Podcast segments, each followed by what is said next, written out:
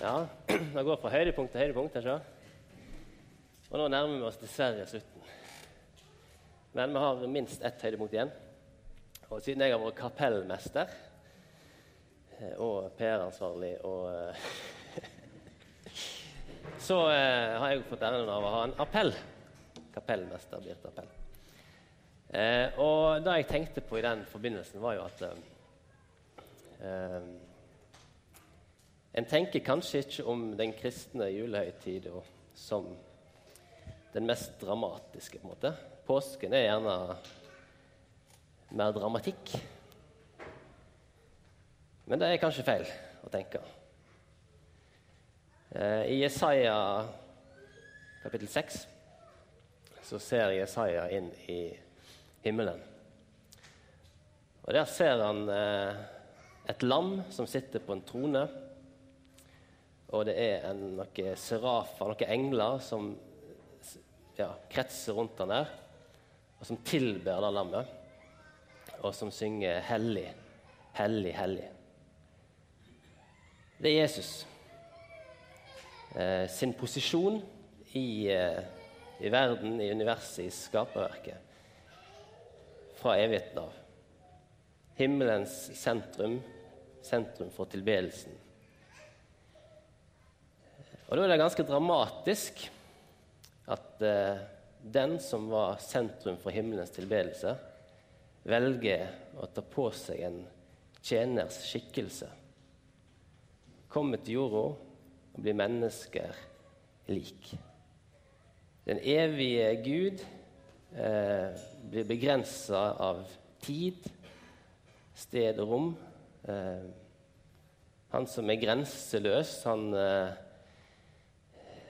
ligger i ei krybbe i en stall. Han som er ren og hellig, blir født i en skitten og kald stall. Det er dramatikk. Så jeg tenkte på Alt var godt i utgangspunktet i Edens hage. Jeg vet ikke om dere har sett 'Snøfall'? Jeg ser for meg litt sånn eh, Edens hage det var sånn når de gikk ut i hagen på Snøfall. Når de går ut i en hagen, det, det er litt sånn Edens hage i mitt bilde. Der det er varmt, og det er sol, og det er grønt, og det er fint. Men så synda eh, Adam og Eva, og synda kom inn i verden og ble en del av vår virkelighet. Og Jeg vet ikke om det ligner på den skumle skogen som han Vinter går inn i. det er jeg ikke helt sikker på. Men iallfall så ble det betraktelig mye mer kaldt i verden. Det ble vinter når synda kom inn.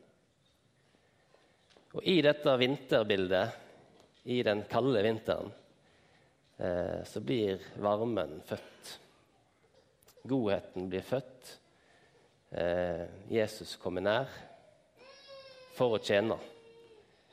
Og Først og fremst så ga han avkall på e, sitt eget. og kom til jord, ble menneskelik, og så ble han lydig til døden på korset så kan en si at julens budskap det er i hovedsak det å gi. Altså gir vi gave til hverandre. Og så er det først og fremst at Jesus ga avkall på sitt eget, kom til jorda, og i tillegg at han gav seg sjøl for oss. Og så er på en måte òg dette her med å utfordre oss.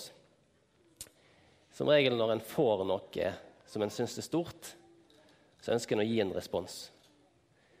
Eh, enten så sier en takk, eller så vil en gi noe godt tilbake i neste sving. Iallfall så skaper det en respons, et behov for en respons i oss.